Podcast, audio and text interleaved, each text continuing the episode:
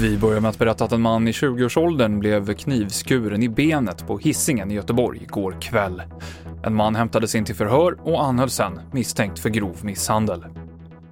Trots att coronasmittspridningen i Sverige ökar och äldre är särskilt utsatta så är det vissa hemtjänstföretag som bara använder munskydd eller visir om den äldre ber om det.